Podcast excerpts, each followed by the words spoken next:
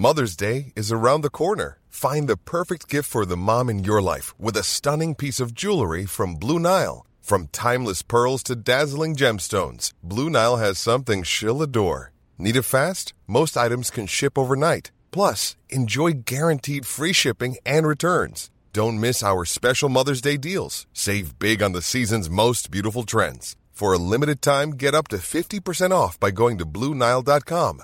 That's BlueNile.com. Hey, I'm Ryan Reynolds. At Mint Mobile, we like to do the opposite of what Big Wireless does. They charge you a lot, we charge you a little. So naturally, when they announced they'd be raising their prices due to inflation, we decided to deflate our prices due to not hating you. That's right. We're cutting the price of Mint Unlimited from $30 a month to just $15 a month. Give it a try at mintmobile.com slash switch. $45 upfront for three months plus taxes and fees. Promo for new customers for limited time. Unlimited more than 40 gigabytes per month. Slows. Full terms at mintmobile.com. I'm Sandra, and I'm just the professional your small business was looking for. But you didn't hire me because you didn't use LinkedIn jobs. LinkedIn has professionals you can't find anywhere else, including those who aren't actively looking for a new job but might be open to the perfect role, like me. In a given month, over 70% of LinkedIn users don't visit other leading job sites. So if you're not looking on LinkedIn, you'll miss out on great candidates like Sandra. Start hiring professionals like a professional. Post your free job on linkedin.com/people today.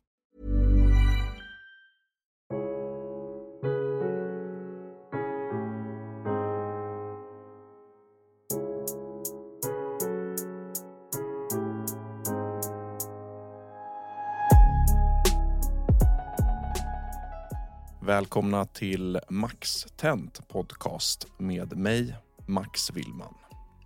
Tiotusentals människor omkom och skadades, varav flertalet var kvinnor, barn och äldre. Dog de inte i explosionerna var sannolikheten stor att de omkom av syrebrist eller kolmonoxidförgiftning. Många som försökte fly från eldhärjade hus söks tillbaka in i dem av kraften i eldstormarna. En del tog sin tillflykt till en öppna vattenreservoar som var belägen i Gamla stan med förhoppningen att vattnet skulle skydda den. Allt eftersom bränderna tilltog blev det dock svårare att andas samtidigt som vattnet blev allt varmare. I nästa skede upptäckte de i bassängen, varav många var skadade, att betongväggarna saknade handtag eller fästen.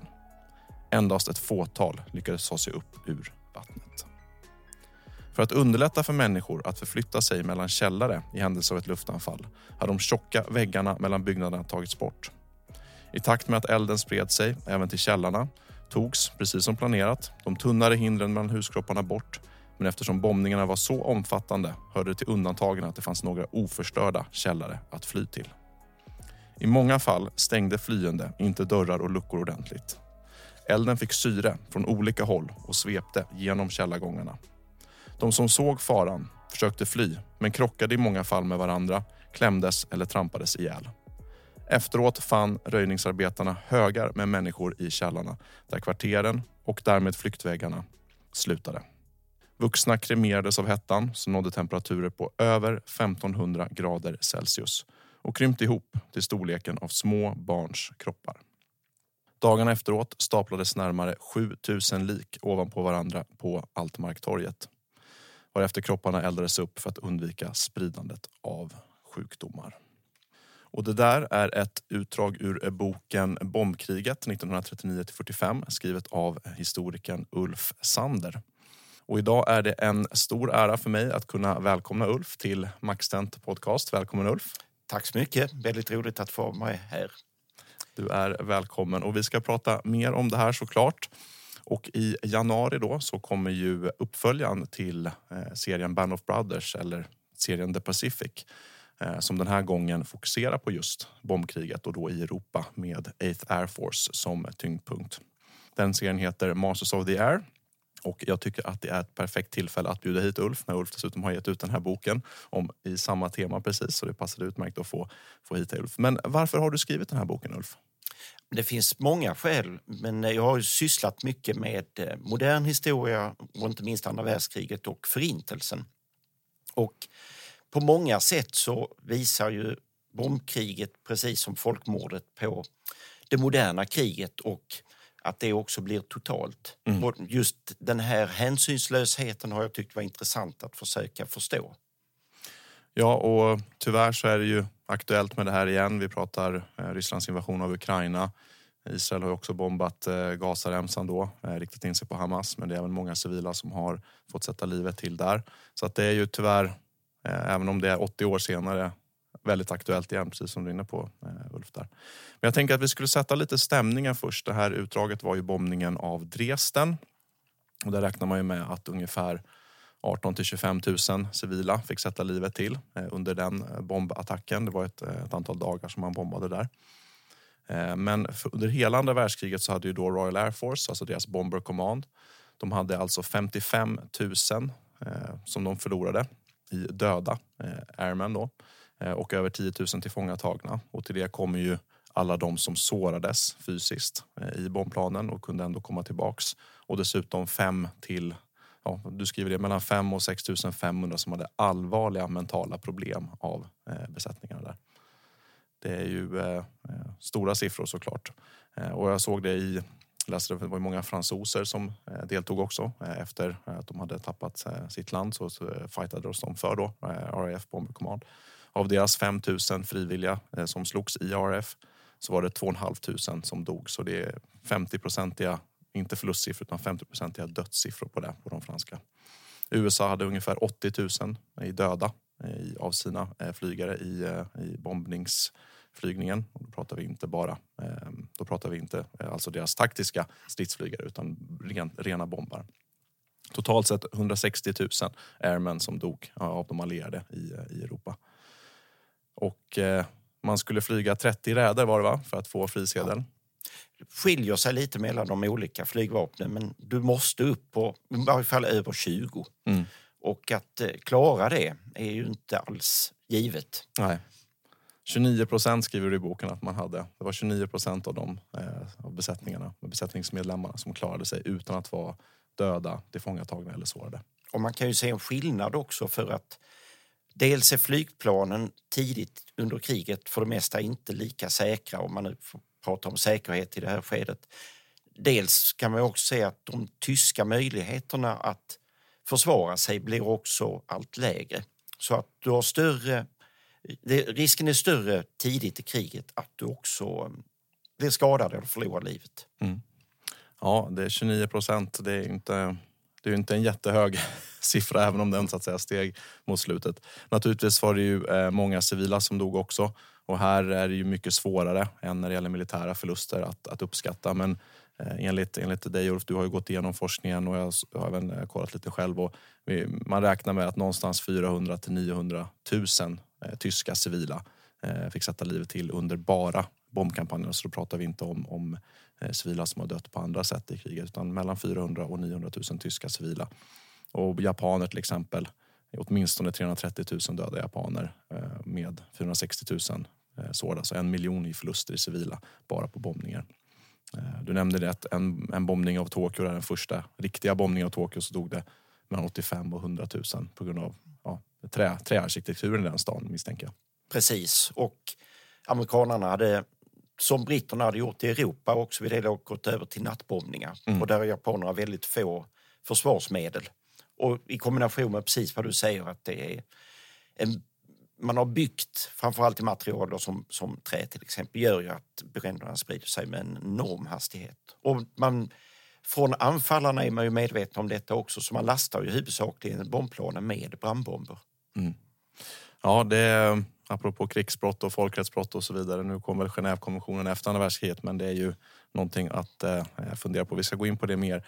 Eh, och jag tror alla som har varit i en, eh, en äldre stad, som vi pratar Europa, om man tittar på till exempel Gamla stan kanske man kan jämföra sig med. Alltså vi pratar trånga eh, gångar, äldre arkitektur. Eh, visst, en del stenhus men också mycket byggt i trä. Så elden fick ju lätt fotfäste. Precis, alltså i många fall så ser vi just hur de, de, just de gamla stadskärnorna lider ju väldigt svårt. Och för brittisk del, eftersom de ofta nattbombar och med utgångspunkt från vad de kallar då för area bombing så blir det ju väldigt... Eh, ska man säga, själva syftet är att åstadkomma de här stora skadorna. Mm. De här stora bränderna, skador på städerna rent av. Precis, mm. och dess befolkning. Mm. Som man då menar är ett legitimt anfallsmål eftersom säger man i varje fall, alla är ändå involverade i krigsproduktionen. Mm. Så att eh, befolkningen är en del utav det här totala kriget och därför så blir de ett legitimt mål då. Det är så man har resonerat. Ja, ja som sagt eh, katastrofala siffror både på eh, de allierade och också klart de, de civila. Men eh, vi går in mer på det alldeles strax Ulf. Men eh, vem är du för det första? Historiker, professor, skrivit många böcker. Jo, men jag har försökt att vara flitig och inte bara för att det är skattebetalarna som finansierar mig utan jag tycker det är, det är viktigt att både göra insatser inom vetenskapligt, att försöka bidra med forskning som gör att vi kan lära oss något nytt. Men jag tycker också det är väldigt viktigt att kommunicera historia och det har jag ju arbetat med på olika sätt. Både i form av eh, ganska mycket till exempel att utbilda blivande lärare i historia och att få dem att förstå att det handlar både om att ha en slags social färdighet, att kunna möta unga människor. Men om man inte kan möta dessa unga människor med kunskaper och att faktiskt veta vad man pratar om så har man en mycket sämre utgångspunkt. Och det här har visat sig, menar jag, när jag har skrivit att det, det syns också på forskare. Att man kan vara med, bättre eller sämre på att kommunicera också ganska besvärliga resonemang eller komplicerade resonemang. Och det lärde jag mig tidigt av de som handledde mig en gång i världen att det finns ingenting som är så svårt som att skriva enkelt om svåra saker. Och det försöker jag göra. Det är inte alltid jag lyckas, men eh, det är min målsättning. Nej, men och det tycker jag är bombkriget, för jag har läst hela boken såklart och den är väldigt lättläst, lätt att ta till sig. För, och även om man eh, kommer in och inte kanske är fanatisk för eh, militärhistoria, andra världskriget, så kan man eh, ta till sig det här på ett, på ett enkelt sätt. Men hur är det att skriva, att växla där mellan det akademiska och det som så att säga går hem i stugorna? För jag, jag själv har, jag har läst lite historia och eh, de här avhandlingarna med mera, det är ju ingenting man sätter sig och, och, och finläser direkt utan eh, då vill man ju ha den här typen av bok som du har skrivit här. Hur är det att växla mellan det akademiska och, eh, och det mer, vad ska man säga, publika? Jag tror inte att skillnaden behöver vara så väldigt stor. Snarast kan det handla om att försöka ta upp perspektiv som finns i forskningssammanhang och göra dem intressanta. Och jag tycker om man just sysslar mycket med andra världskriget där det är så väldigt mycket skrivet redan. Men där det också finns mycket som vi fortfarande inte faktiskt har tagit upp till en större diskussion så kan man ta chansen i en sån här bok att försöka resonera. Till exempel var min avsikt här att både göra en slags historien så som den är via vad ska man säga, översiktsverk. Alltså så här är de olika skedena av bombkriget. Men att också hitta aspekter som är mer socialhistoriska. Alltså vad är det som händer när man är på marken till exempel och ska genomleva en bombräd på det här sättet. Och också det som man skulle kunna kalla för kulturhistoria. För jag ägnar också en del kraft åt att eh, diskutera det här utifrån bomb, bombkriget som propaganda. Mm. Och vad är det som gör att det ibland kan fungera som propaganda och att folk tror på det som propagandamakarna säger? Och emellanåt så blir det här väldigt stora problem. Om man till exempel från tysk sida har sagt återkommande att vi ska skydda våra städer och så blir då många tyskar utsatta återkommande för de här fruktansvärda bombräderna. Mm. Så hur, hur kunde människor hantera den typen av motsättningar? Och det skulle man kunna säga egentligen klassiskt vetenskapligt problem. Men det hindrar ju inte att man försöker plocka upp det i en bok som den här. Så man skulle kunna sammanfatta det som att, eh, att skriva den här eh, typen av böcker som är, eh, inte är vetenskapliga inlagor. Det breddar egentligen vår, kan hjälpa till att bredda vår förståelse för krig och andra världskriget då, i det här fallet specifikt som fenomen. Då. Precis. Och som alla andra tror jag som skriver den här typen av böcker så bygger vi ju på andra som har gjort vad ska man säga, grundläggande forskning på detta. Och i några avseenden har jag själv gjort vissa forskningsinsatser som man inte hittar i andra böcker. Men just att få med sig den här aspekten av att vad är intressant och vad är motsägelsefullt. Det tycker jag ofta är det som man kan arbeta med och där man ibland kanske kan hitta en mer generell skillnad mellan journalister och historiker. En journalist har ofta en uppgift att förmedla en berättelse och då svarar man entydigt på frågor. Och är man inom akademin så är det oftare att man ställer frågor. Och det är inte säkert att det finns givna svar på dem. Och där kan man ibland märka att det då blir kanske ett större läsmotstånd om man som läsare tänker sig att Nej, men nu ska jag få reda på hur det egentligen var. Och så har man läst boken och så är man kanske mer förvirrad. Förhoppningsvis på en högre nivå, men det var kanske inte det man hade tänkt sig. Och där är en viktig skillnad. Mm. Ja, men det, det, tror jag är viktigt och, och, eh, det gäller ju hela livet tänker jag. Att man, man kan tänka sig att ett skeende, eh, idag vi pratar mycket om, ja, vi har Twitter eller X då, och nyhetsrapportering och eh, media är då eh, inriktat åt något, åt ändra håll.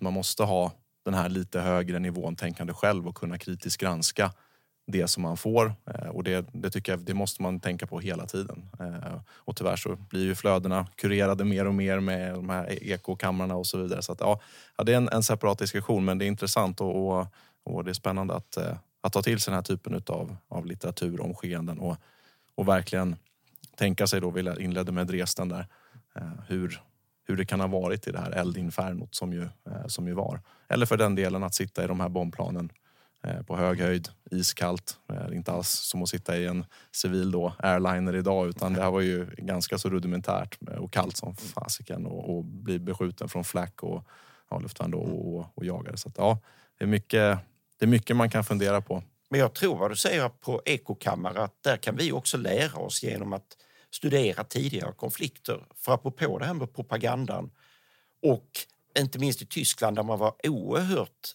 hård mot alltså den som yttrade tveksamheter inför att Tyskland skulle vinna kriget. Eller som gjorde sig lustiga över att Göring hade sagt att det är klart att jag ska se till att försvara det här landet. Ja, men då kunde man råka väldigt, väldigt illa ut. Och så vet vi också att de allierade gör ju studier tätt in på krigsslutet och där väldigt många, både i Tyskland och Japan, säger att bombningarna var bidragande till att vi tröttnade på att helt enkelt vara i det här kriget. Krigsmoralen sjunker. Vilket ju var syftet med det, men det tog kanske mycket längre tid. Och priset var väsentligt mycket högre än vad många av de allierade generalerna som, och politikerna som beordrade det här, vad de hade trott att det skulle kosta. Mm. Nej, för vinna eller förlora krig det kan man göra på olika sätt och det är ju inte alls så enkelt som att det bara är att slå motståndaren på slagfältet utan eh, ofta så finns det ju sätt att fortsätta striden så länge viljan finns men finns inte viljan så så spelar det ingen roll eh, vilken kapacitet som finns.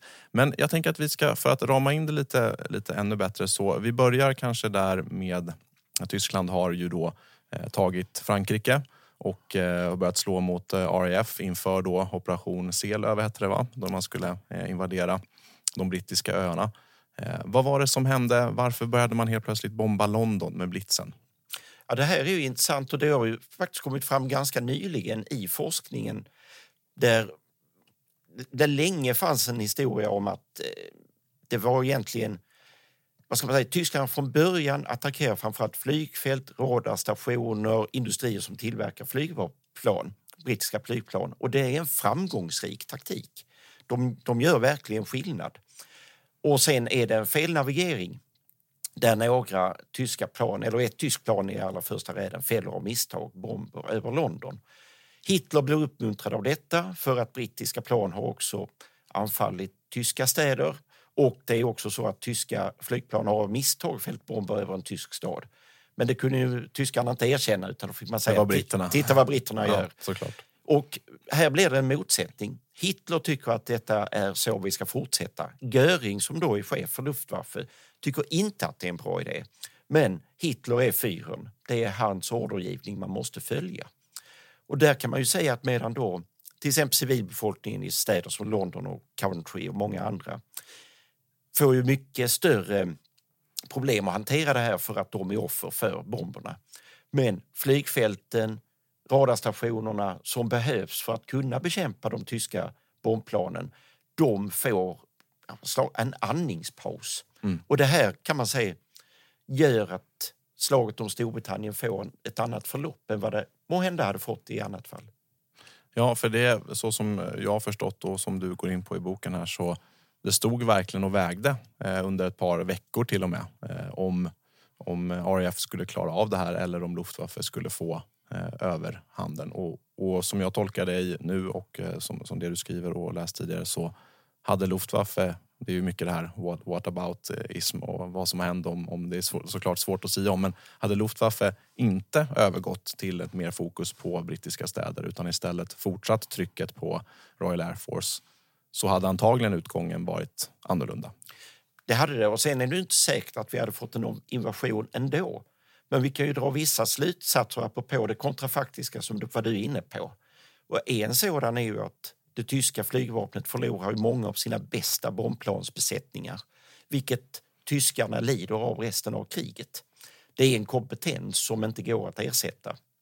Och man skulle ju också kunna tänka sig, även om Churchill, den brittiska premiärministern, i ett första skede säger vi ska inte svara med samma mynt, så är det ju det som britterna gör från och med 1942. Mm. Så de här brutala överfallen på brittiska städer bereder ändå marken för att politiker och militärer i Storbritannien ska påbörja en slags ja, repressionsbombning skulle man nästan säga. Nu svarar vi med samma mynt och det kan vi se i materialet också. Att när man till exempel bombar Lübeck som är ett av de första stora anfallen så gör man det med hänvisning till vad gjorde tyskarna med Coventry? Jo, de fällde brandbomber och på ett löst sätt under en natt så förstörs stora delar av den dag, eh, staden. Och ni, nu gör vi något liknande med en tysk stad. Mm. Nej, för det, det, det, tycker jag är, eh, som svensk eh, fredsskadad person, nu har jag varit officer och så, men man, det blir svårt att förstå hur man kan, eh, hur tankegångarna går till exempel då när man väljer att, att bomba Lübeck. Jag tror alla kan ganska så enkelt för, förstå det här att de gjorde det och då gjorde vi lite till och sen så blir det en, liksom en successiv eskalering. Men den, den nivån som det utvecklas då från 42 när, ja det är väl Harris som tar kommandot och lyckas övertyga och få sin Bomber Harris, sin vilja igenom där.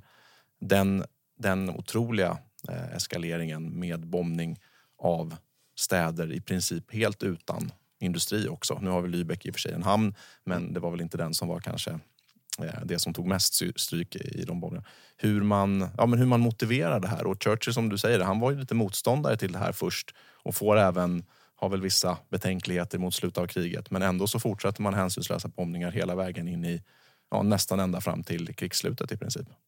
Och det är väl det som i efterhand blir det som är svårast att hantera rent moraliskt eller etiskt. Och du tog upp Genèvekonventionen och man skulle nästan, jag väver in mot slutet av boken också om vi hade haft ett, ett domslut som hade inkluderat Nürnbergprocess, Genèvekonvention, FN-konvention och det hade varit Arthur Harris och hans amerikanska motsvarighet Curtis LeMay som hade stått inför rätta så hade det nog varit svårt för dem att bli frikända, i varje fall frikända helt och hållet. För de har ju argument under vissa skeden av kriget som gör att ja, men vi kan ändå förstå. Britterna har under någon period nästan inget annat val än att ha den här krigföringen. Man är riktigt illa på det. Och det finns en eh, brittisk historiker, Richard Overy, som har skrivit en väldigt spännande just kontrafaktisk studie där han säger att hade vi inte haft i Storbritannien bombplansindustrin så hade britterna haft mycket, mycket svårare att klara sig i kriget. För det är monteringen av de här planen som är i frontlinjen. Där är man som bäst. Så detta blir en slags modell för hur man ska bygga upp resten av sin brittiska krigsproduktion och krigssatsning. Så det som i efterhand blir så problematiskt är det som på många sätt räddar britterna under vissa skeden av kriget. Men som sagt, det är de här ja, sista halvåret skulle man kunna säga, när det knappt finns något tyskt luftförsvar och man fortsätter attackera städer. Och i några fall där man också tycks veta att här finns i stort sett ingenting av militärt värde. Och ändå så gör man de här räderna som ibland är över på 30-40 minuter och under den tiden har man kanske förstört 90-95 procent av en stad. Mm. Ja, det man kan bara tänka sig, föreställa sig hur, hur det var i de här städerna och, ja, och eld. Just att man använder bomber för att, i specifikt syfte att få igång de här eh, eldsvådorna som ju liksom ska sluka allting. Men där i början då, när det står och väger och det slutligen då blir att RAF ja, går segrande eller åtminstone inte blir besegrade och därmed eh, vinner den här strategiska segern. Eh, då är ju då är ju britterna i princip ensamma, eller de är ensamma mot, eh, mot, eh, mot Tyskland. Och bara en spännande grej där, för Hitler är ju han är ju med flera gånger i kriget och gör ganska dumma, eh, eller ganska dumma, han, han bidrar ju absolut till att kriget slutar eh, tidigare än vad det eh, skulle ha gjort om de tyska befälen har fått, fått fortsätta på. Så att, eh, ja, men det är spännande att se den inblandningen som börjar redan där och sen fortsätter framförallt då kanske på östfronten och eh, med mera. Men vad, det som vi var inne på innan, vad är det som gör att RAF Bomber Command, när man, det står och väger men man väljer ändå att bomba civila mål. Jag tänker att borde inte, när man står och väger så pass mycket, borde man inte bli mer angelägen att försöka bomba militära mål? Det skulle man ju kunna tycka, men om man ska ge Arthur Harris några vad ska man säga, lite positivare omdömen så kan man ju säga att taktiskt sett så bryr han sig väldigt mycket om dem han för befäl över. Och han var ju själv stridspilot eh, med erfarenhet från både första världskriget och mellankrigstiden. Och han ser att hans företrädare som har prioriterat anfall mot militära mål och där man inte samlar bombplanen i några, några större formationer, det gör brittiska bombplan oerhört sårbara. Och han har också insett att anfalla dagtid, när där är brittiska bombplansbesättningar och brittiska bombplan inte tillräckligt väl utbildade eller de har inte den kapaciteten. Så hans slutsats som han kommer fram till gång efter annan skulle man kunna säga är stora formationer nattetid. Det är där vi kan göra skillnad. Och sen försöker han och många andra emellanåt säga att jo men visst är det militära mål vi anfaller. Men det är ju också, det vet vi ju och det vet man redan i, i samtiden om man vill lyssna, det beror på vad man väljer mm. att ta till sig, så är det ju just städerna som blir drabbade. Och så finns det ju emellanåt, och ganska ofta, militära mål i närheten av staden som också kan legitimera att man ändå går till de här stora anfallen. Men för det mesta är det ju för att knäcka civilbefolkningens moral. Och Harris han har ju också en slags förhoppning att fortsätter man med de här anfallen så kommer man inte behöva göra invasionen av Europa, den vi känner som D-dagen. Mm.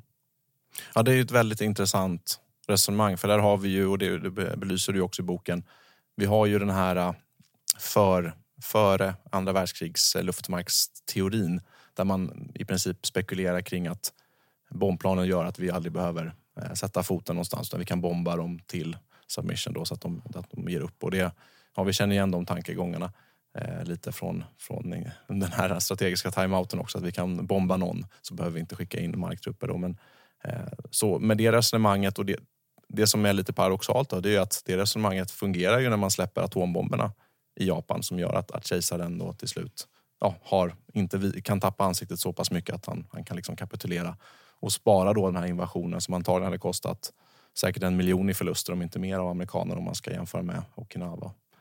Men det funkar inte med de konventionella bombningarna, eh, visar historien. Nej. Och där man kan ju säga också att när man fäller atombomberna så är ju Japan på, på knäna redan. Men där finns ju en diskussion med några årtionden på nacken om vad var syftet med att fälla atombomberna? Där det finns amerikanska forskare som har sagt egentligen handlade detta mer om att skicka en signal till Moskva och att kalla kriget redan har börjat. Och då blir de här atombomberna ett, ja, en signal titta vilket vapen vi har. Men där är ju också diskussioner, och de tar jag upp i boken, kring hur man faktiskt sitter och räknar i Washington. Alltså hur många bombräder kommer vi behöva fortsätta göra? Hur många amerikanska soldaters liv, som du är inne på, riskerar att gå förlorade? Så det här blir en slags ekonomisk kalkyl. Och man kan också se när man väl har fällt atombomberna så gör man undersökningar och i både Storbritannien och USA så menar befolkningen, majoriteten av befolkningen att det här var rätt beslut att fatta. Samtidigt som jag tänker att i den här typen av regimer som man, man eh, slogs mot och de allierade slogs mot, jag tänker Japan, eh, jag tänker ja, även Mussolini för den delen och Hitler. Det kanske inte spelade jättestor roll vad befolkningen tyckte heller utan det var ju så länge de här eh, valde och fortsatte så hade de en så otrolig maktapparat bakom sig att, att då fortsätter kriget. Och Tyskland är ju särskilt intressant där att vi kan ju se, och det är många som har studerat detta, hur lojaliteten mot Hitler och Nazityskland fortsätter efter attentatet mot Hitler den 20 juli 44.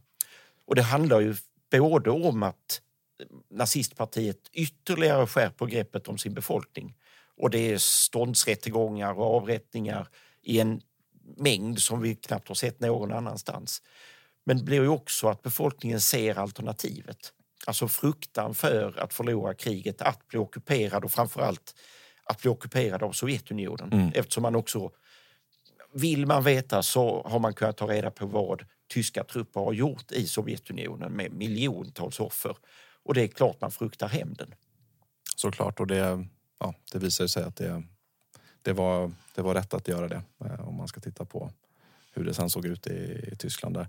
Ehm, men det är också spännande, du nämner det i boken där att allierade har alltså fällt bomblaster under andra världskriget motsvarande 230 stycken atombomber. Precis. Så Men, det är ju enorma mängder. Mm, och ändå så fortsätter ju kriget i oförminskad styrka på marken, får man ändå säga. Eh, trots den här extrema konventionella bombningen av både Tyskland och, och Japan. Och där kan man väl säga att och man har ju redan börjat utveckla det här under första världskriget och mellankrigstiden. Men andra världskriget blir ju det test som visar på vad du pratade om förut att det räcker inte att bara ha bombflyget. Och det är ju intressant nog att alltså de här tankarna om ett bombflyg finns ju ända tillbaka till 1600-talet och är alltid förenat med två tankegångar.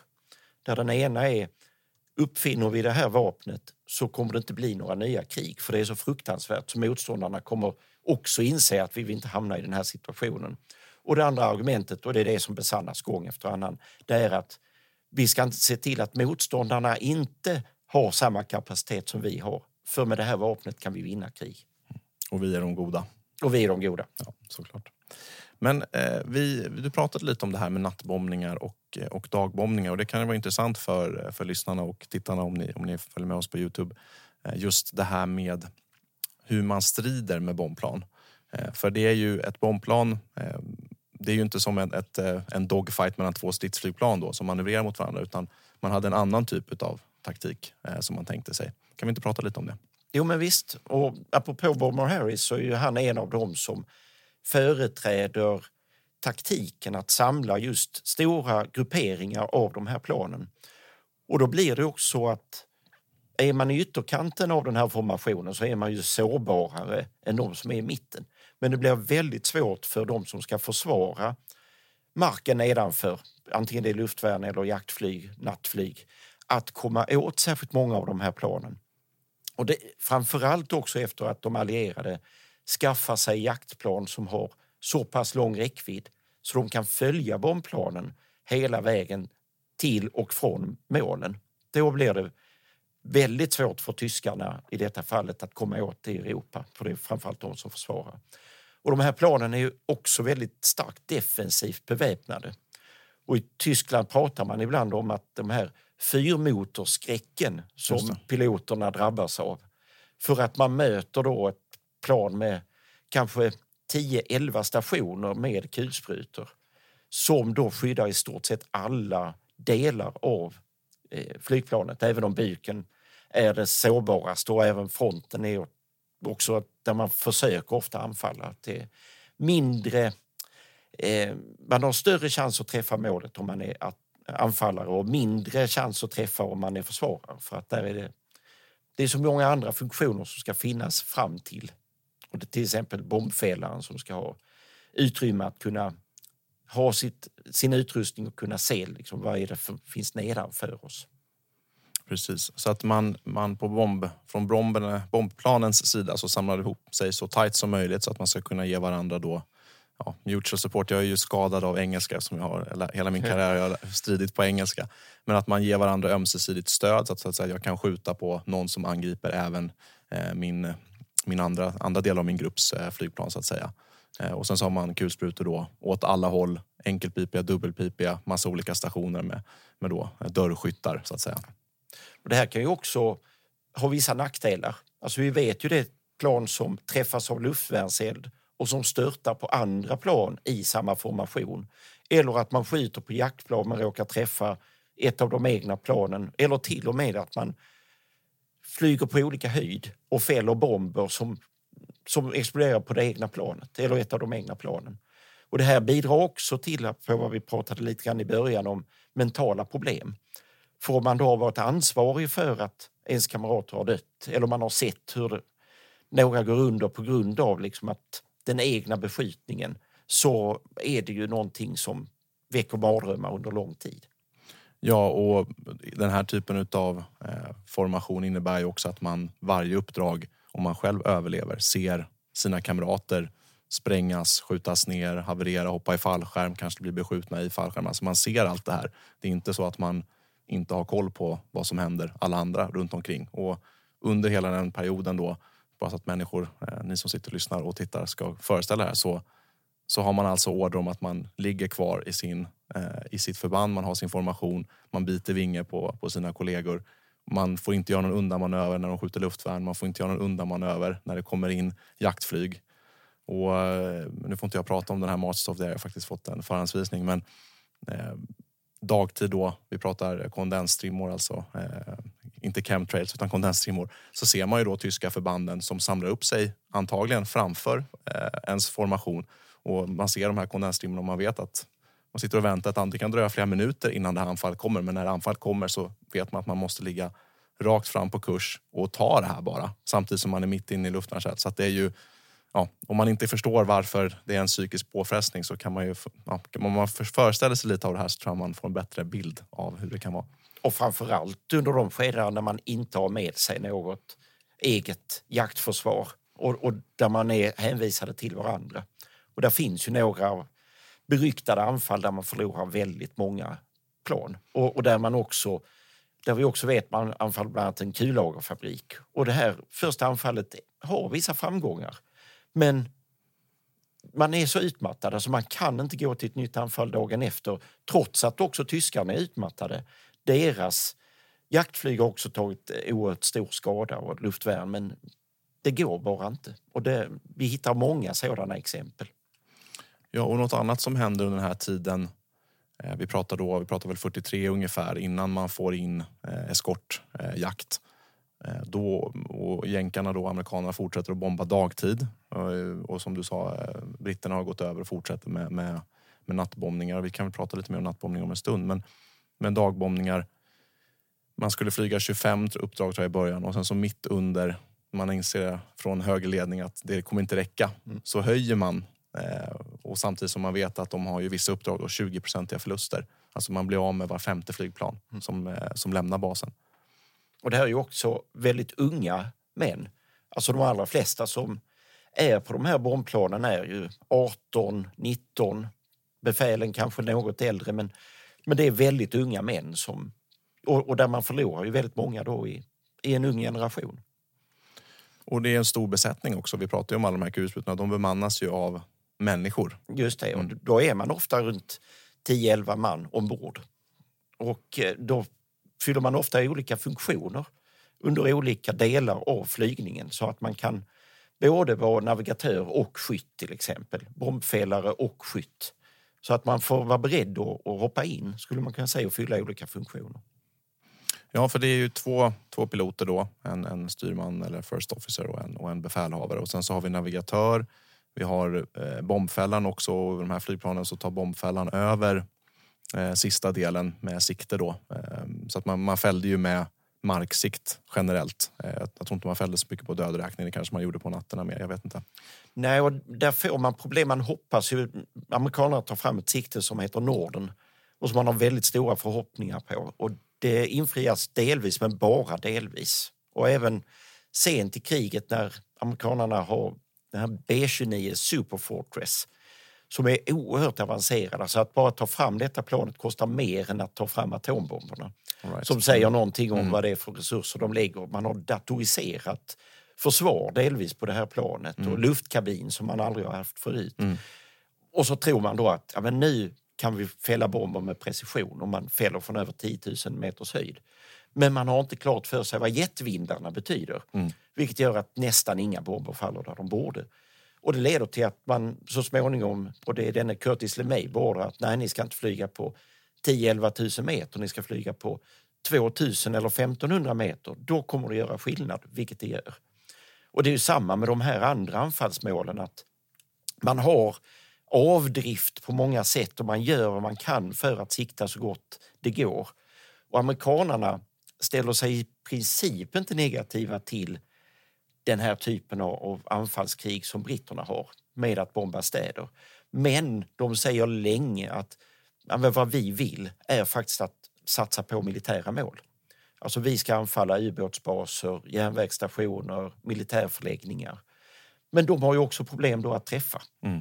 Så att har då medborgarna på marken oturen att bo nära en industri eller en järnvägsstation eller en ubåtsbas så är det ju många av dem som kommer dödas eller skadas. Mm. Ja, och de här siktena då i slutfasen i alla fall på, på B17 då, alltså flygande fästningen eller Flying Fortress, den väl kanske mest ikoniska bombplanet då, från andra världskriget får man väl ändå säga. Eh, då tar ju navigatören, eller förlåt, bombfällan över styrningen av flygplanet till och med och siktar in. Men det, det, får man ju ha, ha med sig då också eh, när man fäller bomber, för det är själv eh, när man fäller bomber idag. Nu har man ju datorer eh, på stridsflygplan. Men det är ju det att vindarna som vi pratar om, det är inte så att det är en vind eh, som det kanske lite mer är om man seglar segelbåt till exempel, utan här har vi olika vind i olika höjdskikt och ju högre upp man är desto fler olika vindriktningar och vindstyrkor eh, råkar man ju ut för. Eh, och varför flyger man inte bara då lågt, eh, som du var inne på där Ulf? Och det har att göra med att ju lägre du flyger, desto fler luftvärnssystem kan nå dig och desto högre träff, eh, vad ska jag säga, träffsannolikhet för de som skjuter på dig kommer det bli. Ja. Exponentiellt lättare blir det ju att bli beskjuten med luftvärnseld. Och det finns ju också, det är ju tämligen ny forskning som visar att på grund av att man fäller så många bomber under andra världskriget så påverkar detta också till exempel vindar. Alltså man har kunnat mäta under senare år de effekter som bombningarna hade under de här första åren på 40-talet, att de påverkade även de yttersta skikten av vår, vår sfär. Så att right. Eh, det här har haft en antagligen betydligt större påverkan på miljö och klimatdiskussioner som vi är mitt inne i. Att redan här under detta kriget så fick vi påverkan på eh, den värld vi lever i. Mm. Ja, och, och, bara ur ett liksom stridstekniskt fälla bomber-perspektiv där. Om vi tänker att det brinner med 1500 grader nere vid marken. Eh, om vi har då gjort en meteorologisk eh, eh forecast, vad säger man? Förutsägelse. Förutsägelse, precis. Man, det gör man ju såklart under det här. Att man gör, hur ser vindarna, hur ser vädret ut kring målområdet? Det gör man ju naturligtvis inför varje uppdrag. Men om det då brinner efter första räden 1500 grader, eh, det stiger hettan, då kommer de här vindarna vara helt annorlunda vilket innebär att de inställningar man har med sig i sina bombsikten kommer naturligtvis att vara eh, inte alls särskilt... Eh, nej. nej. Och det är frifallande bomber, alltså det är dumbomber som man släpper. Man öppnar en, ja, två luckor. Man öppnar bombluckan och sen så trycker man på en knapp och sen så ramlar de här bomberna ner då frifallande. Eh, ja. Nej, men precis. Och där kan man ju också säga på att ibland också blir det ju så att de faktiskt inte utnyttjar siktena. För kommer man under en natträd och man är i andra eller tredje vågen så går man efter bränderna helt enkelt. Och en del fäller ju bränder, eh, bomber på befintliga bränder för att göra dem ännu starkare. Och i andra fall så väljer man, ja men om det inte brinner här, då, är det ju, då har mina kollegor inte fällt bomber på det här området så då gör jag det. Mm.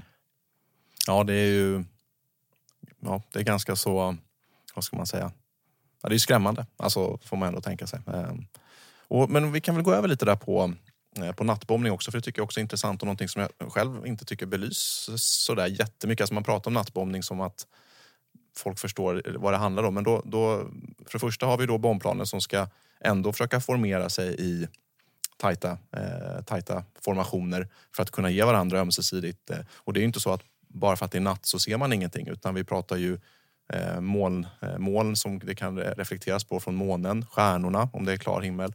Beroende på var man flyger så kan det ju vara god sikt på natten. Nu flyger man inte med ljusen påslagna naturligtvis, men, eh, ja, men kan vi inte prata lite om, om, eh, om nattbombningstaktik? Ja, där kan man ju säga att det, det, kan få effekter både i luften och på marken. Precis som du säger, så i månljus så är det ju lättare för nattjaktplan att få syn på fientligt plan. Men man kan ju också se på marken, som Köln är ett sånt här exempel. De har ju lagt oerhört stor möda på att eh, täcka för allting. Här skulle man inte kunna ha några ljus som avslöjade var staden var. Men man anfaller en, en mån, fullmånenatt och då följer man bara floden som leder fram till Köln. Och så ser man ju stadssiluetten och då är det liksom fritt fram. För att också tidigt i kriget så har man problem med navigationsutrustning. Det är där man kan säga att många av de största förändringarna sker. Att man får mycket bättre navigationsutrustning. Och till exempel då tidigt i kriget så väljer man ofta städer som ligger nära kusten så man kan följa ett vattendrag eller en, få syn på en hamn eller något liknande och ha det som sin vä vägledning. Cool fact a crocodile can't stick out its tongue. Also, you can get health insurance for a month or just under a year in some states. United Healthcare short term insurance plans, underwritten by Golden Rule Insurance Company, offer flexible, budget friendly coverage for you. Learn more at uh1.com. Burrow is a furniture company known for timeless design and thoughtful construction and free shipping, and that extends to their outdoor collection. Their outdoor furniture is built to withstand the elements, featuring rust proof stainless steel hardware, weather ready teak and quick-dry foam cushions. For Memorial Day, get 15% off your Burrow purchase at burrow.com slash ACAST and up to 25% off outdoor. That's up to 25% off outdoor furniture at burrow.com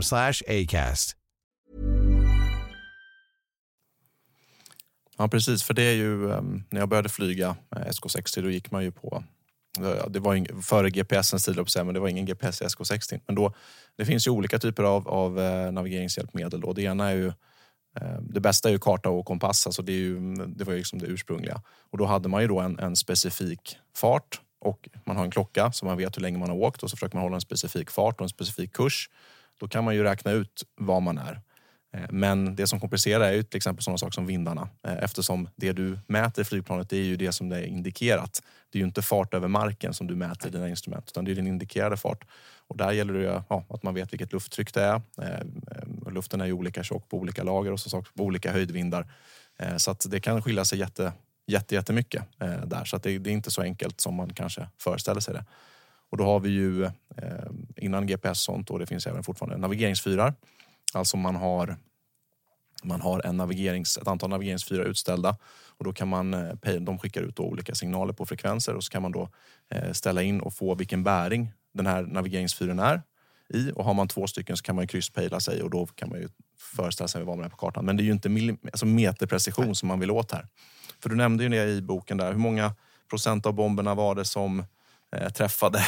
Ja, det är, me mellanåt är det ju alltså, sagolikt låga procenter. Och det är ju där också, det, det är en berömd nationalekonom som utvärderar hela bombkriget bara några år efter andra världskrigets slut.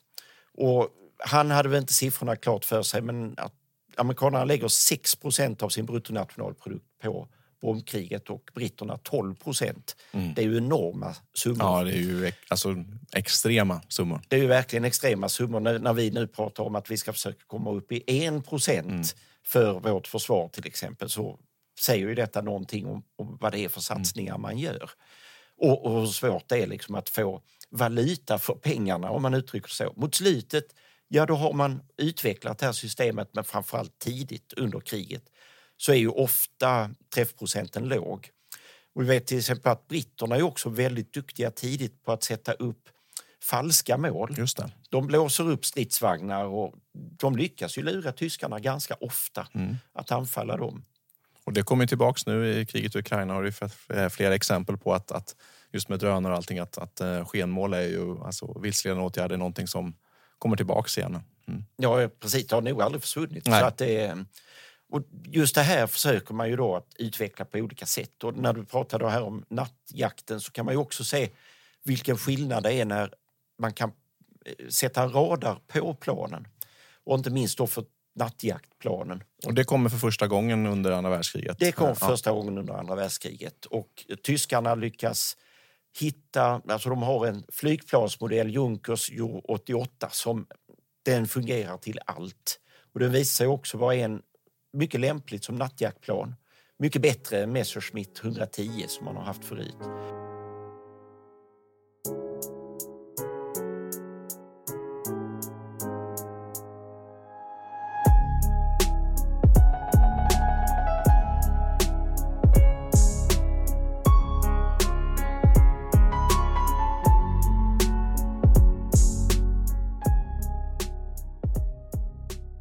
Alltså uppfinningsrikedomen är ju stor. Och ibland så kan man ju tycka att varför tar vi inte alla dessa kloka hjärnor och eh, får dem att göra civila produkter istället?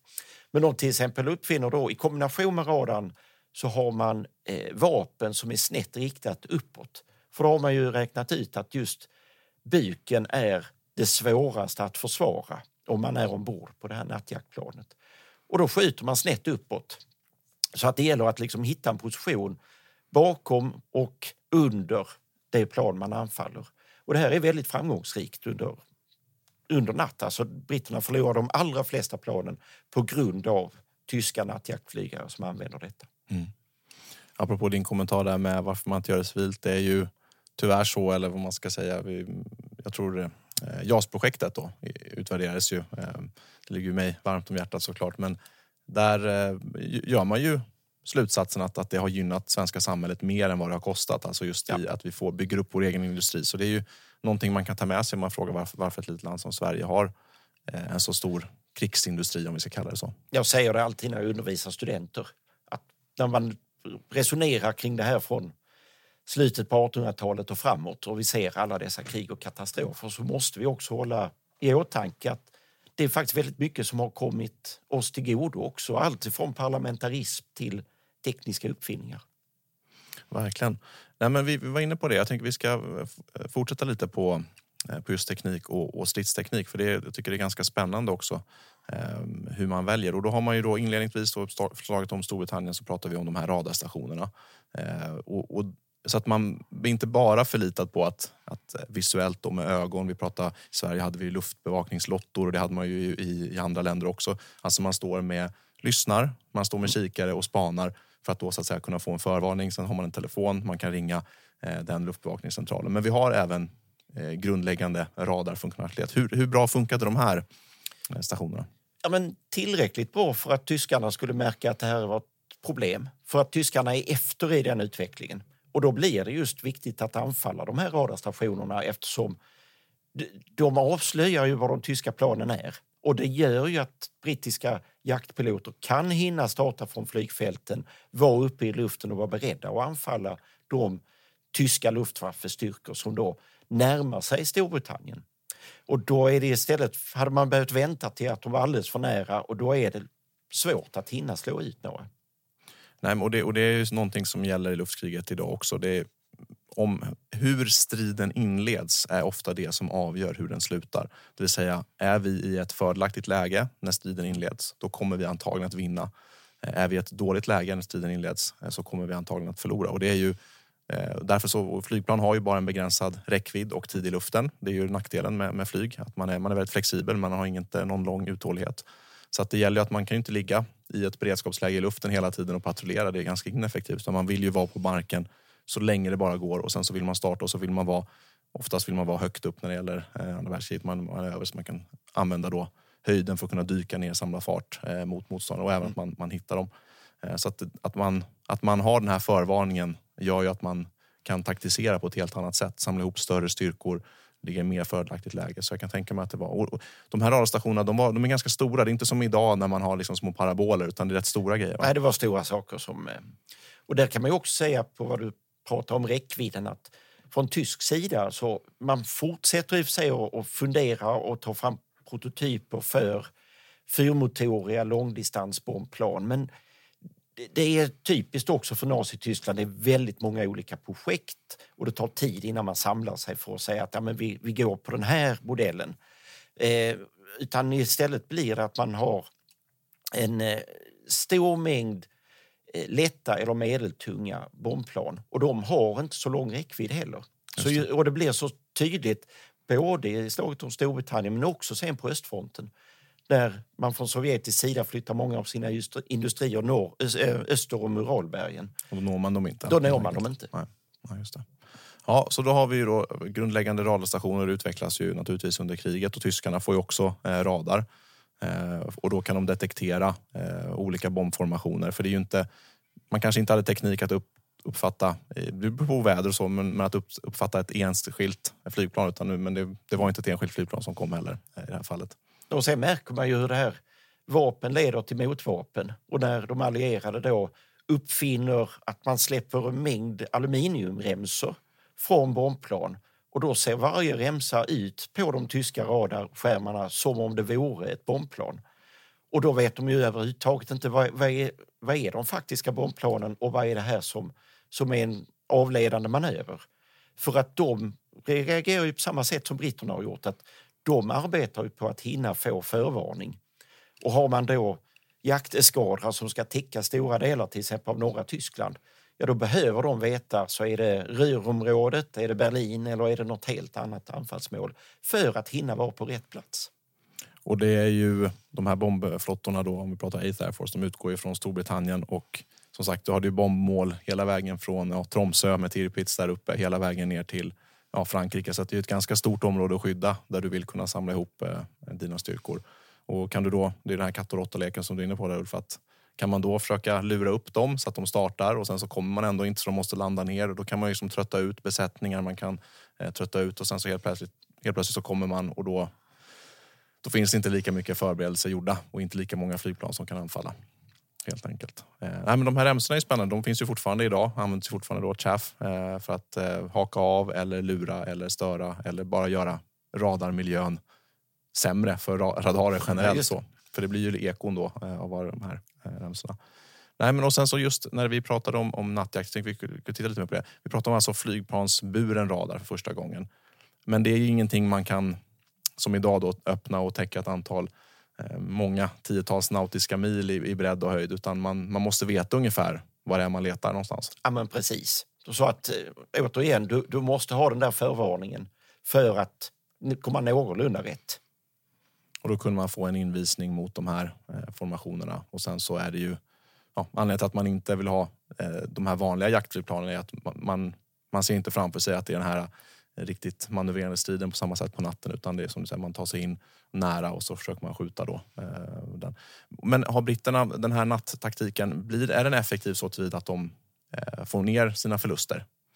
Det blir bättre och det kan man ju se redan i det här första, ja, tidiga anfallet mot Lübeck så ligger förlustsiffrorna på 5 vilket på sätt och vis inte var så många flygplan. Men Arthur Harris säger ju efter det anfallet att för han tycker det är succéartat. Mm. Det här gick eh, jättebra, men han säger att vi måste få ner siffrorna för annars kommer vi inte klara det.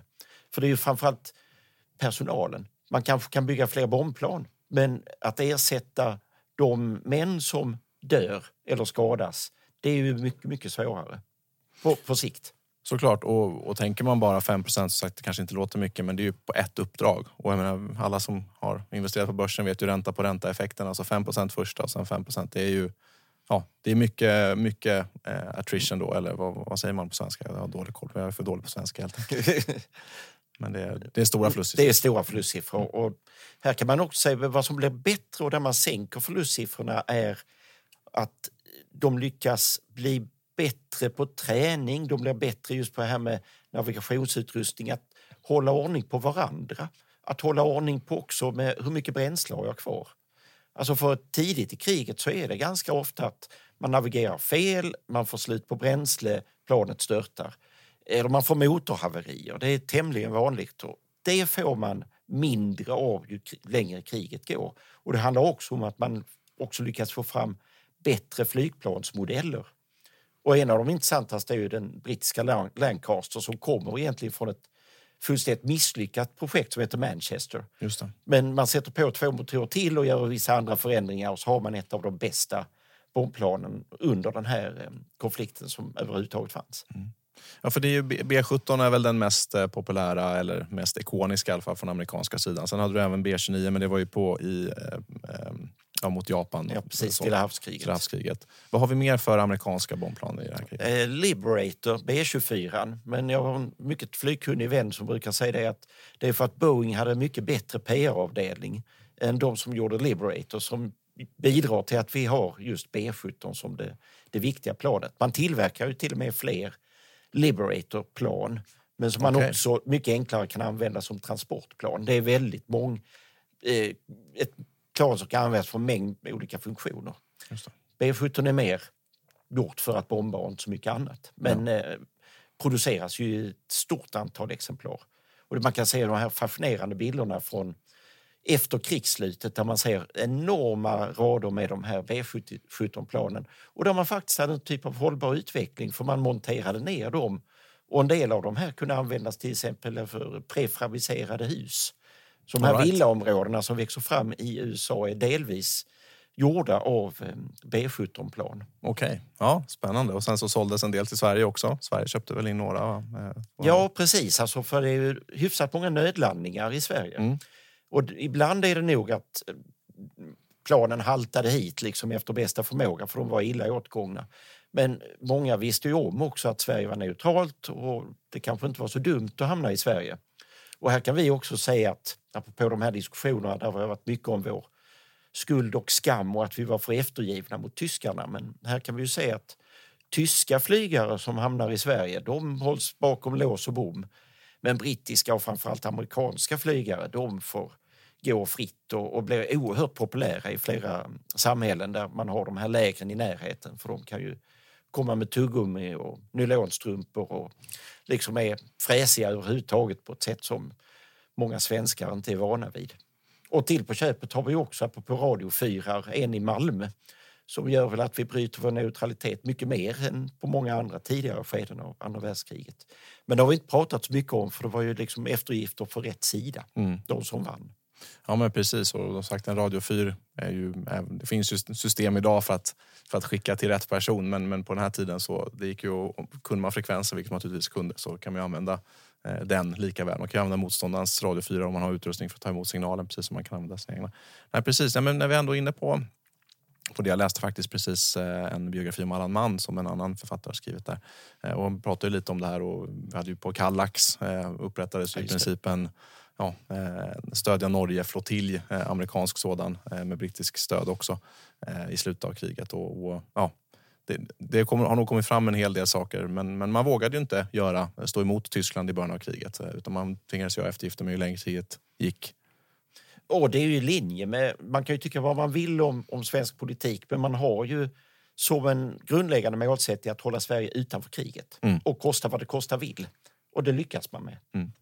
Men de här, de här då allierade som, eh, vi ska prata lite, man hoppade ju fallskärm, man hade ju fallskärmar ombord. Så att blir det problem så kunde man då så att säga försöka nödlanda eller så kunde man försöka hoppa fallskärm. Och det är ju eh, många tusentals allierade som hoppar fallskärm.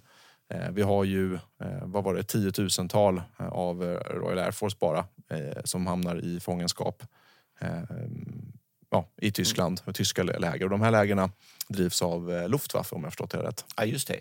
Så att många blir krigsfångar. Eh, Ett antal lyckas också bli utsmugglade för att framförallt fransk och belgisk motståndsrörelse gör vad de kan. Och har man sett om man nu är lite äldre, Allå, allå, så vet man Hemliga armén som är en sån här komediserie så är det Just just, de franska motståndsrörelsen som gärna tar hand om, om just piloter som slussas då till eh, Spanien som är också neutralt om än liksom med de lutar ju mer åt tysk och italiensk sida men de hedrar sin neutralitet och då kan man få hem en del, eh, eller i varje fall till Storbritannien. För en del piloter blir det hem men för andra är det att återvända till sina flygflottiljer och fortsätta att utföra uppdrag.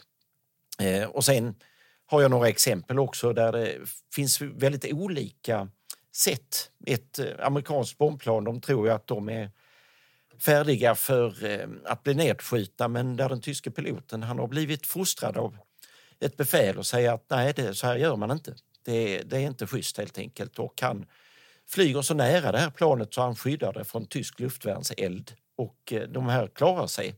Men när de väl landar sen och berättar den här historien så blir de beordrade av sitt befäl att det här får ni inte säga till någon för att det bryter så mycket av bilden av barbariska tyska. tyskar. Mm. Ja. Mm. Och sen finns det andra exempel där den barbariska tyskheten kanske ligger närmare till hands. Med besättningar där man lyckas rädda sig i fallskärm eller nödlanda. Men man hamnar ur askan i elden. Mm. För att just om du har varit ombord på ett bombplan så vet ju de på marken. De räknar ut liksom att jaha, du är en av dem från ett Lancaster eller ett flygande fästningsplan. Och då är man så hatisk för att man har förlorat familjemedlemmar eller ja, man ser en stad, sin stad gå under. Så där är flera exempel att allierade piloter och, och skyttar och annat de blir ihjälslagna eller avrättade. Mm. Ja, och jag, jag tänker mig att, att i, ju längre kriget går desto mer ja, vad ska man säga, barbari eh, blir det åt, åt, åt alla håll. Eh, och eh, några av de biografierna från tyska eh, S, de pratar just om till exempel slaget om Storbritannien så fanns det en väldigt stor ömsesidig respekt eh, mot varandra och jag, jag tror att det var väldigt sällan som det förekom till exempel att man sköt mot någon som hade räddat sig i fallskärm medan mot slutet av kriget eh, så var det mycket mer vanligt förekommande. Eh, ja, det, är, en, det är en ny yngre generation som har blivit upptränade som har sett, har förlorat många fler av sina släktingar och vänner och så vidare och det blir den här ömsesidiga eskaleringen såklart. Ehm, ja, och eh, så att eh, hamnar man då i Frankrike eller Belgien så kanske man kunde få hjälp av motståndsrörelsen. Hamnade man med, räddades med fallskärm i Tyskland så gäller det så att säga att undvika att eh, bli ihjälslagen av de civila om vi ska liksom, eh, lite makabert eh, koncentrera. Men annars hamnar man i de här lägren som drevs av eh, Luftwaffe och då satt man där kriget ut. Man, ja. ja. för det mesta. En del försöker ju fly. Mm. Eh, men det är också ofta väldigt lång väg tillbaka. Så att eh, det finns sådana exempel, men några som flyr flera gånger men de blir hämtade och så kanske de hamnar i ett läger som har lite, där det är lite svårare att fly från och att det, det håller på på det här sättet. Men det är ju många som sitter ganska många år i krigsfångeläger. Mm. Ja, och, och, som sagt, jag tycker det är spännande också att de här lägren drevs av Luftwaffe och då misstänker jag för att ja, ehm, i Tyskland så, eller så i Storbritannien så var det tyska flygare som var i fångenskap hos RAF och, och, ja, och så, och att det var um, ja, betydligt mer, även om det naturligtvis, naturligtvis ingen dans på rosor att sitta krigsfånge, men jag, jag föreställer mig att det var betydligt mer humant än många andra typer av eh, krigsfångeläger som tyskarna drev. Och det här har ju också långt, långt senare kommit fram intressant material från de läger som de allierade hade och där man avlyssnade tyskar utan att tyskarna visste om det.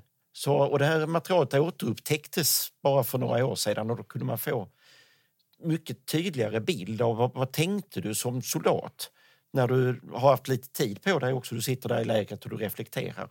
Och det är en oerhört spännande studie detta kring ja, men hur man tänker kring allt ifrån de uppdrag man har varit med om till rasistiska föreställningar och syn på andra folkslag och liknande. Som, ja, men det, där har varit mycket att hämta från dem som både nyanserar men också stärker vissa uppfattningar som redan har funnits.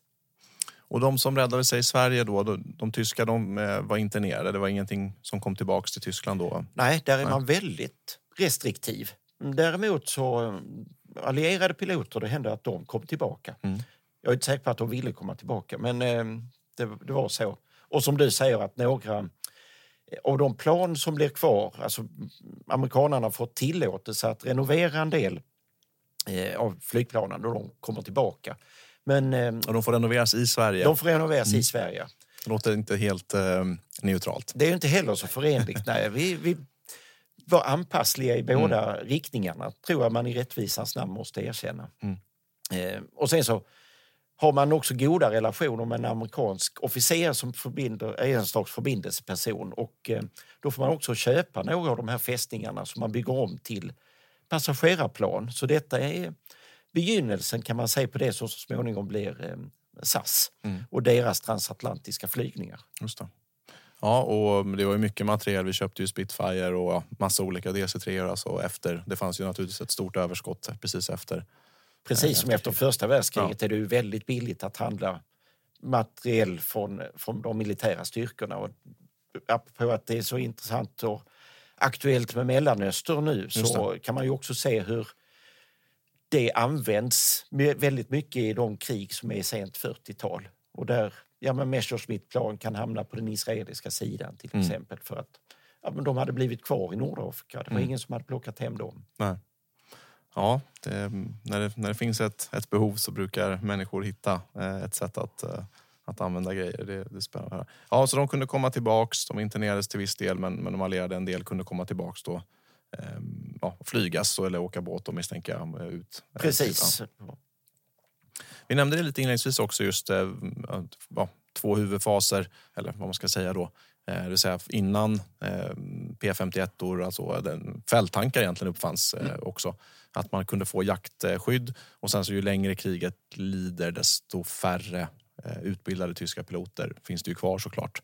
Eh, så, men, men hur förlustsiffrorna går ner då när man får de här jaktflygplanen misstänker jag. Och sen så har ju den amerikanska industrialismen fått ett större och större genomslag också såklart eh, ju längre kriget går. Precis, och det är väl, det är väl den stora missräkningen som både japaner och tyskar, man kanske inte ska säga tyskar utan det är faktiskt Adolf Hitler som på eget bevåg förklarat krig mot mot USA Ja, det efter Pearl Harbor. Fullständigt vansinnigt det är eh, en egentligen. jätteblunder Ja. som jag vet också att många generaler, som tyska generaler säger, vad, vad håller han på med? Mm.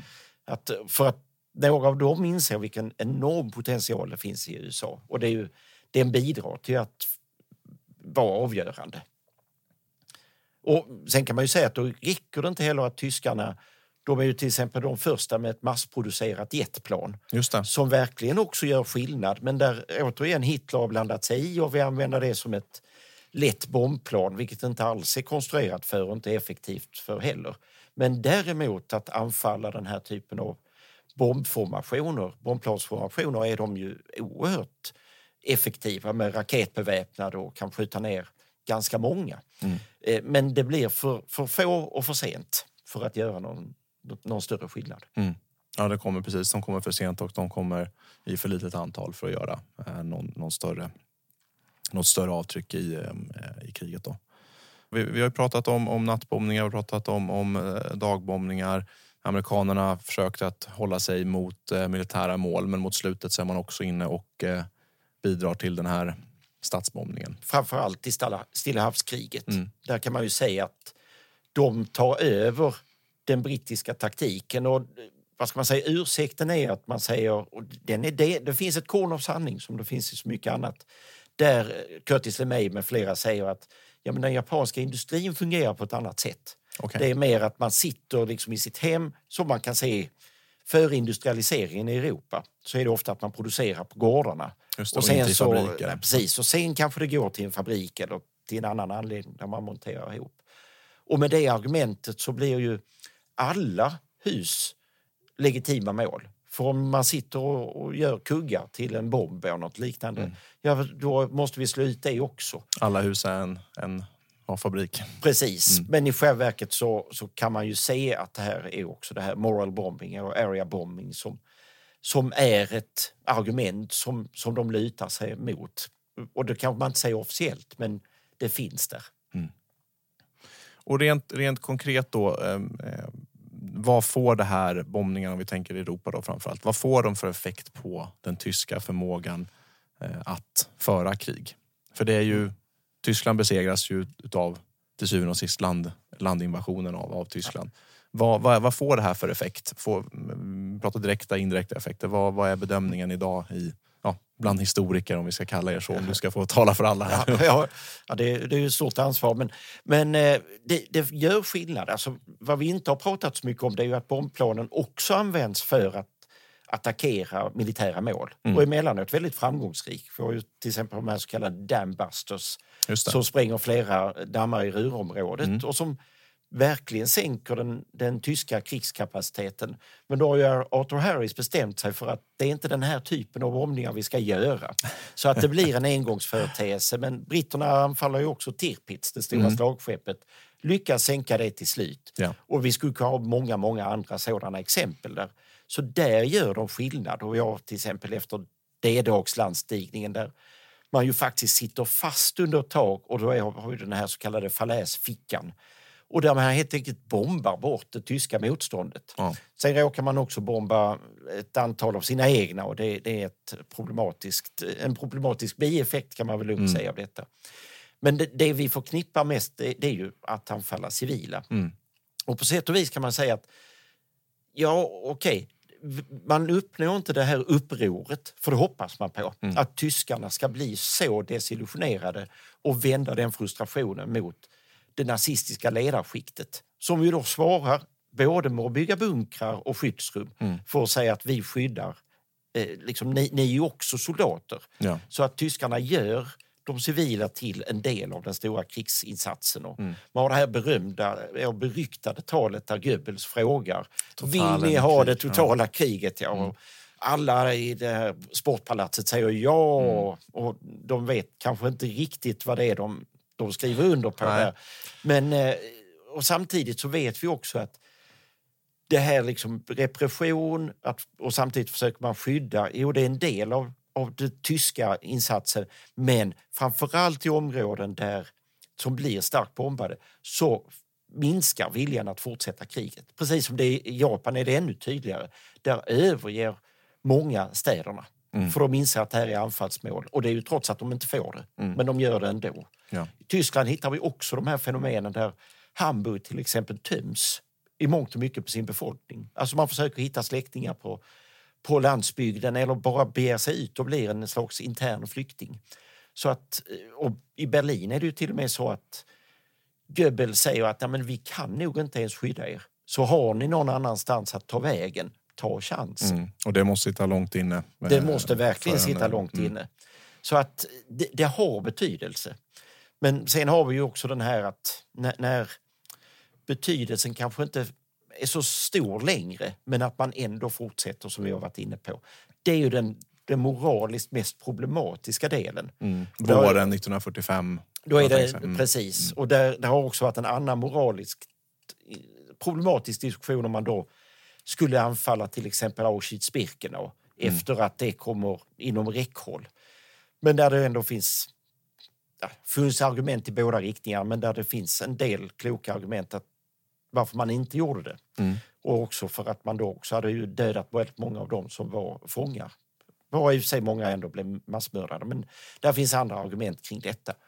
Så jag tror att vad vi har med oss i mångt och mycket eh, kring detta det är att vi, vi faktiskt kunde se effekterna av den här massiva bombningsinsatsen. Och vi kan se till exempel att amerikanerna nog inte hade lärt sig så mycket när det blev ett Vietnamkrig. De fortsätter med den här typen av storskaliga bombanfall till exempel mot Hanoi. Mm. Och som visar sig att det har, alltså det är många civila som dör, men det gör inte så stor skillnad. Alltså det är inte så att nordvietnameserna slutar kriget eller önskar fred, utan de stärks nästan snarare. Precis som vi kan se också i Tyskland, att en del i sin sorg och frustration får en större vilja att fortsätta slåss trots att oddsen är mer och mer emot dem för varje dag som går. Mm. Och vi ser också detta då att vi, vi, vi, kan se hur fruktansvärt det här var och vi har skaffat juridiska texter kring att det här ska vi aldrig mer göra om. Och så ser vi ju då, som du varit inne på, både i Ukraina och i, i konflikten här mellan Israel och Hamas, hur det ändå, att det fortfarande är ett, ett väldigt viktigt vapen. Och där det också blir en slags katt och råtta-lek som har blivit så tydligt i Gaza där vad ska man säga, Hamas vet att Israel som ett slags västerländskt samhälle kommer att dra sig för att anfalla civila. Mm. Och alltså gör vi militära anläggningar mitt bland de mm. civila. Mm. Och så blir det förstås många civila dödsoffer. Mm. Och då riktas kritik förstås mm. mot att det blir just så många civila. För att man inte går in med markstyrkor. Ser vi en fiendesoldat i ett hus, ja då riktar vi en, en raket eller artilleri mot huset och så blir det förstås väldigt många civila dödsoffer. Så sättet att tänka har tyvärr inte ändrats så mycket, skulle man nog våga påstå. Mm. Och sen så har vi ju förstås en helt annan typ av bombkrig där det inte längre är de här stora planen. Ja, vi har kvar B52 som, som används och till och med i när vi hade krig på Balkan så var de ju i bruk eh, mm. i strid för inte så hemskt många år sedan. Men mm. De är kvar, men, men annars är det ju mycket missiler och raketbeskjutning. Men icke desto mindre är du på marken så drabbas du av eh, den typen av vapen på samma sätt mm. eller liknande sätt som du gjorde 39 till 45. Mm. Jo, en stor skillnad är att man använder inte lika mycket dumbomber utan man försöker använda precisionsbomber på ett helt annat sätt idag. Men å andra sidan, om, det, om man träffar precis där man vill men det råkar ändå befinna sig civila precis där man vill träffa eh, av olika anledningar då, eh, misstag eller, eller vad det kan vara så, så spelar det ju inte någon roll egentligen. Så, nej, så de direkta effekterna kanske inte är jättestora. Eh, någonting som hade väl en del direkteffekter var väl bombningarna av bränsletillverkning i Rumänien var om jag inte minns fel. Det var väl, där lyckades man väl ganska väl ändå. Där är det snarast förvånansvärt att det är ett uppehåll i de bombningarna. Ja. För att där kan man ändå se att det här gör en stor effekt. Mm. Och apropå det där att man också är intresserad av militära mål så när britter och amerikanare skaffar sig en gemensam strategi så är det ju huvudsakligen just för militära mål för att kunna underlätta landstigningen i Normandie. Och, och där betyder det ju fantastiskt mycket. Och, och just att de, de begränsar ju Luftwaffes förmåga extremt mycket. Alltså man lyckas slå ut flygbränsle tillverkningen och lagren i, till en väldigt hög grad. Så det är inte bara att man då saknar piloter utan man saknar framförallt också bränsle. Mm. Men man förstod kanske inte hur dåligt ställt det var med bränsle i Tyskland? Eller, eller var, varför hade man paus i den här typen av bombningar? Alltså jag, det verkar som ett av de här tidiga uppdragen, där är träffbilden som vi har pratat om låg. Ja. Och de, de inser inte, om vi hade gjort om detta och försökt göra det bättre, vilken stor skillnad det skulle kunna ha gjort. Nej. Så att det här är ibland också upp till enskilda befälhavare. Vilka som har prioriteringar i en viss riktning. Ja. Nå någonting annat när det gäller just indirekta effekter som eh, man kanske inte alltid tänker på eller som man behöver åtminstone analysera ett, en vända till. Det är ju att det här innebär ju, det här bombkriget då i Europa innebär ju att Tyskland behöver flytta extrema mängder eh, soldater, alltså i form av luftvärnsbesättningar, kanoner, ammunition eh, till de kanonerna, strålkastarljus, radaranläggningar som vi var inne på och även kanske framförallt flygplan och erfarna piloter från östfronten till västfronten. Och det blir ju så att säga en, en indirekt avlastning på eh, kriget i öst eh, som gör det svårare för Tyskland att vinna eh, och, och förbättra för Sovjetunionen. Vad, vad, vad kan man säga generellt om, om de här effekterna? Ja, men det, det, är klart att det blir effekter och man kan också märka hur Röda armén, där det inte heller finns den här typen av tungt bombflyg mer än i ett fåtal exemplar, de lånar ju, skulle man kunna säga, brittiskt och amerikanskt flyg. För att det, det, är ju ändå en gemensam krigsinsats och där man samordnar sig. En annan effekt som kanske inte pratas om lika ofta det är ju att det här är en slags ett högt pris men det blir en högre grad av, av jämställdhet i Tyskland. För att nazistpartiet vill inte använda kvinnorna i krigsinsatsen. Och långt fram i tiden så blir du änka till exempel så är ersättningen så pass hög så att du, du gör en förlust att börja arbeta i en industri till exempel. Men med tiden så blir behovet så stort så att man tar kvinnor och också barn och ungdom. Och det är inte minst kvinnor som kommer att sköta luftvärnsförsvaret i Tyskland. Och många av dem dör förstås. För att det här är också mål för bombplanen att strålkastare och luftvärnsbatterier precis som då industrier så blir det ju ett viktigt mål. Mm. Och de är ju i anslutning till det som bombas också eftersom ja. annars hade de inte kunnat eh, Precis. verka. Något som är ganska spännande, det är väl fortfarande i, Berlin så finns det fortfarande de här Flakturm eh, kvar. Alltså man byggde, eh, vad ska vi förklara det som, alltså gigantiska... Överjordiska bunkrar ja. tror jag man nästan bäst kan förklara dem ja. som. Och där det är enorma mängder betong. Ja, det måste vara tusentals ton betong om det räcker ja. ens. Alltså, det är ju gigantiska konstruktioner. De, ja, det är I princip de har sagt att det, det, är för kostsamt att riva det för att det är så mycket betong i det, vad jag har förstått. Ja, och en del av dem blev ju uppförda enligt konstens alla regler. Mm. Och de är ju jättesvåra att få bort. Och några av dem byggdes av militära skäl, andra faktiskt för att skydda civila. Mm. Och de kunde ju rymma upp till 20 000 personer.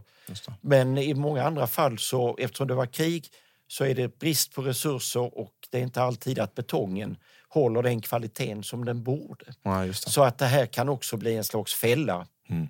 Och förstås det här att med vapen mot vapen, så de allierade tar ju också fram bomber som blir kända som just bunkerknäckare. Mm. Och en direktträff från en sådan, det, man kan klara det om den är bra byggd. Men vi har också exempel på där sådana bomber penetrerar och briserar inuti de här mm. bunkrarna. Och då blir det en otrolig effekt. Ja visst, för mm. väggarna blir ju så... Tryckkraften ja. kan ju inte ta vägen någonstans utan drabbar de som är i den här mm. bunkern. Men jag kan tänka mig det att just den indirekta effekten när man behöver flytta ja, allt ifrån då piloter till luftvärnssystem och såklart också att man behöver använda betong för att bygga massa saker, skyddsrum och arbetskraft och, och resurser till det som jag hade använt någon annanstans annars. Så det blir ju ändå en, en effekt eh, av det oavsett eh, till den här militära effekten. Då. Ja, och det är en annan effekt också, vilket är att tyskarna i allt högre grad försöker förlägga industrier under jord. Alltså vi har hört talas om nu att i Ukraina så går många barn i skolor under jord för mm. att skyddas från fientlig eld. Och här blir det just industritillverkning och väldigt ofta med slavarbetskraft. Och det ironiska här är ju på sätt och vis att trots alla dessa massiva bombinsatser så dröjer det ända in i 45 innan vi märker ett tapp som är betydande i den tyska krigsproduktionen. Så man lyckas trots alla dessa bombräder all, och att de har stora effekter upprätthålla en produktion. Men det är ju då till ett fruktansvärt högt mänskligt pris. Och det är ju då många som av de här som finns i, i anslutning till koncentrations eller arbetsläger. Så att de som är där de blir ofta utarbetade och sen förs de bort till ofta massavrättning när de inte längre kan arbeta. Mm. Så det här är också en integrerad del av förintelsen skulle man kunna säga. Mm. Som, och det är inte bara då hur man har resonerat kring bombkriget, för det för jag ett resonemang också att hade vi inte haft förintelsen så hade vi kanske haft en lite annan moralisk diskussion kring det här. Men förintelsen är så pass mycket, i den mån vi kan mäta, Mm. så är det ändå liksom så mycket värre. Det är det som blev den, den stora diskussionen. Det var verkligen inte den stora diskussionen under många årtionden efter andra världskrigets slut, men det har kommit att bli det. Mm. Och då, men då här kan vi också se hur de här, vad ska man säga, kriget i sig och förintelsen är svåra att se separata, Mm. utan de, de glider in i varandra. Ja, det är väldigt spännande just det här med, med spännande med, och hemskt såklart, men just det här med moraliska som, som vi är inne på. Och, och sen så har vi också det faktumet att man efter kriget, så att säga, segraren skriver ju alltid historien. Man är inte kanske, det första man fokuserade på efter kriget var kanske inte hur många tyska och japanska civila man hade slagit ihjäl utan istället Ja, det blir ju naturligtvis en, en kamp om resurser mellan flygvapen och flotta och det här klassiska eh, inrikesförsvars eh, eh där man vill liksom lyfta upp sin egen vapengrens verkan i kriget så att det tar kanske fram tills nu innan man har en bra bild av vilka effekter saker och ting egentligen fick. Ja, här skulle man nog också kunna resonera att hur man minns också genomgår olika faser. Eh, tidigt i Tyskland så är det ju också att man, många bestämmer sig mer eller mindre för att ja, men det var Hitler och några i hans omgivning som är förövare. Resten bara lyder order. Och det här passar ju också i ett kallt krig där Tyskland är uppdelat och där man inte vill resonera varken i väst eller öst om tysk skuld utan man behöver tyskarna i det pågående kalla kriget. Och då blir det heller inga diskussioner att tala om. Och sen så, så småningom, fram på 90-talet, så börjar man också efter att kalla kriget har tagit slut resonera om att jo, tyskarna har- är förövare, det, det, det vet vi. Men vi kanske också kan börja resonera kring tyskar som offer. Och då kommer bombkriget upp till diskussion på ett helt nytt sätt, framförallt i Tyskland, det återförenade Tyskland.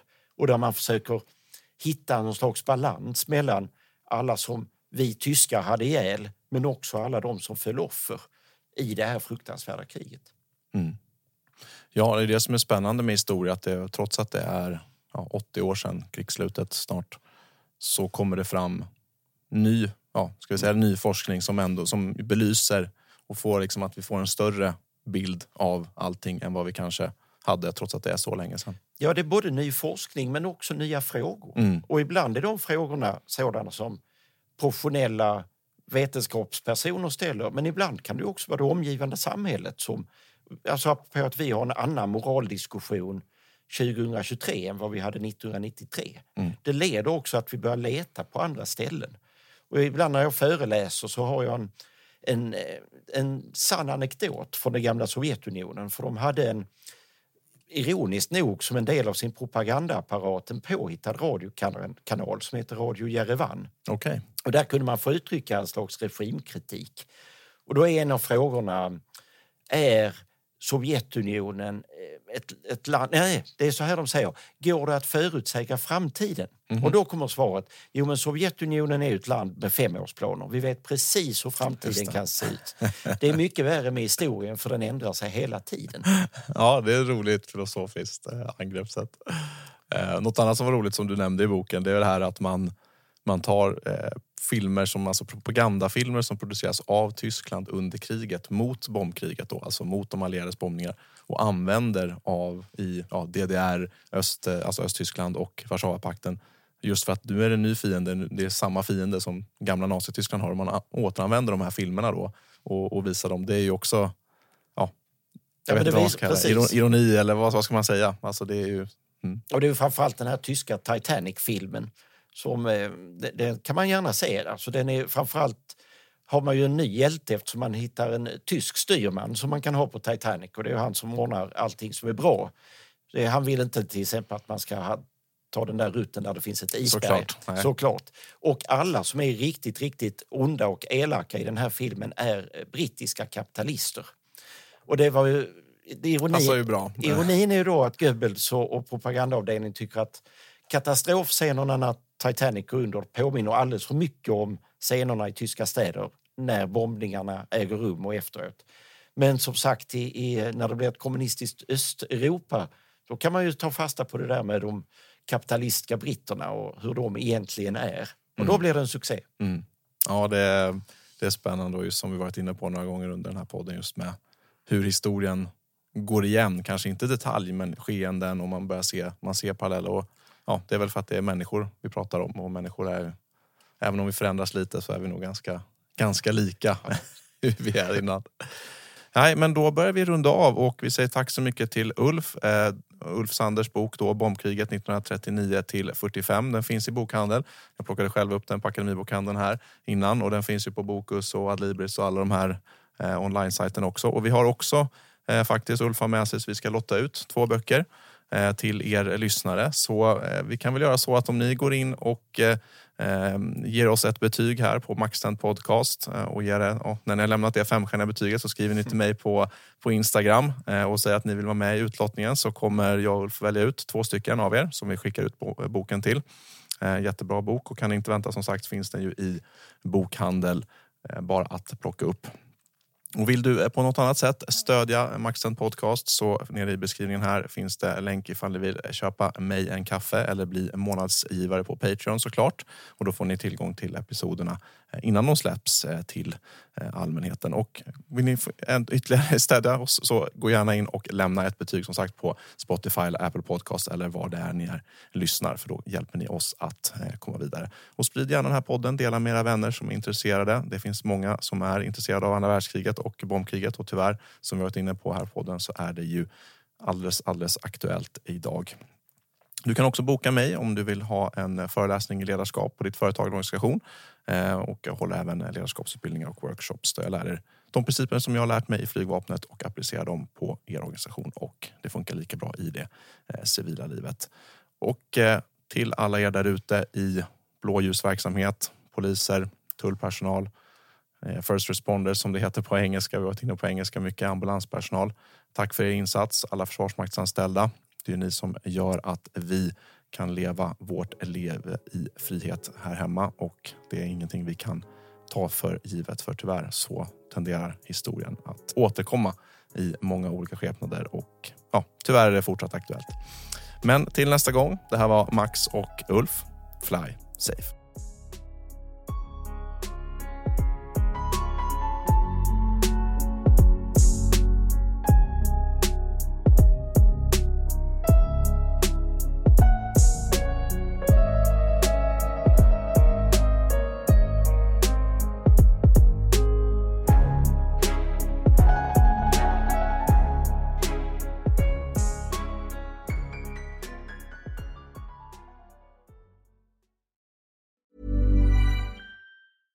Planning for your next trip? Elevate your travel style with Quince. Quince has all the jet setting essentials you'll want for your next getaway, like European linen, premium luggage options, buttery soft Italian leather bags, and so much more. And it's all priced at 50 to 80% less than similar brands. Plus, Quince only works with factories that use safe and ethical manufacturing practices. Pack your bags with high-quality essentials you'll be wearing for vacations to come with Quince. Go to quince.com slash trip for free shipping and 365-day returns. Hi, I'm Daniel, founder of Pretty Litter. Cats and cat owners deserve better than any old fashioned litter. That's why I teamed up with scientists and veterinarians to create Pretty Litter. Its innovative crystal formula has superior odor control and weighs up to 80% less than clay litter. Pretty Litter even monitors health by changing colors to help detect early signs of potential illness. It's the world's smartest kitty litter. Go to prettylitter.com and use code ACAST for 20% off your first order and a free cat toy. Terms and conditions apply. See site for details. Hey, it's Paige DeSorbo from Giggly Squad. High quality fashion without the price tag. Say hello to Quince. I'm snagging high-end essentials like cozy cashmere sweaters, sleek leather jackets, fine jewelry, and so much more. With Quince being 50 to 80% less than similar brands.